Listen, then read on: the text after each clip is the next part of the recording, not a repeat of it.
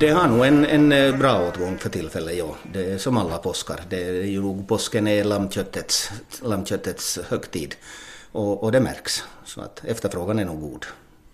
Och det är just lamm det gäller, inte, inte får? Nej, vi, åtminstone här, här hos oss så, så det, eh, slaktar vi bara lamm till påsk. Att vi har, har får, fårslakten har vi mera mot höstarna.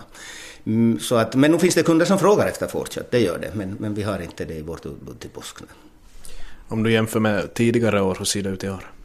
Eh, det eh, är åtminstone efterfrågan lika god som tidigare, kanske ännu, ännu bättre. Men det, det, det är lite svårt att bedöma. Vi har lite utvecklat vår egen, eh, våra egna marknadskanaler också och utökat dem under, under året här. Så att, att åtminstone för vår del har nog efterfrågan ökat. Nej, påsken just, är det just den tid då lammköttet går åt bäst?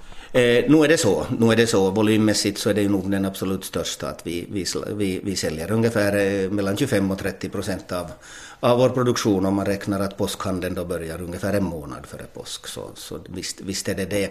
Men julen är nog en förvånansvärt stor också, också lamm, lamm, lamm och, och får högtid på det sättet. Det är kanske mera rökta produkter som går åt då, så att, att omsättningsmässigt är julen nästan lika stor som, som påsken. Men volymmässigt är påsken överlägsen. Och så här till påsk nu då, vilka delar av, av fåret eller av lammet är det som gäller? No, där är vi ju nog väldigt traditionella, åtminstone våra kunder, att, att det är ju fiolen och den benfria steken och, och de de tar ju slut först och, och, när det inte finns det utbudet så då flyttar man sig till framdel, frambenen och, och tar då benfri bog eller helbog och, och det, det, det, är nog de här bitarna, alltså det, det är de här som ska vara tillredas i ugn.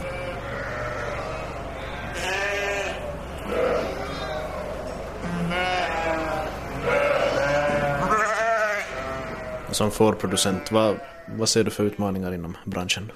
Eh, no, eh, det, som i all primärproduktion så är det klart att, att eh, prisbilden, eh, prisbilden är, är, är, utmanande. Om man, om man säger det på politikerspråk, säger man det rent ut så är det för låga priser.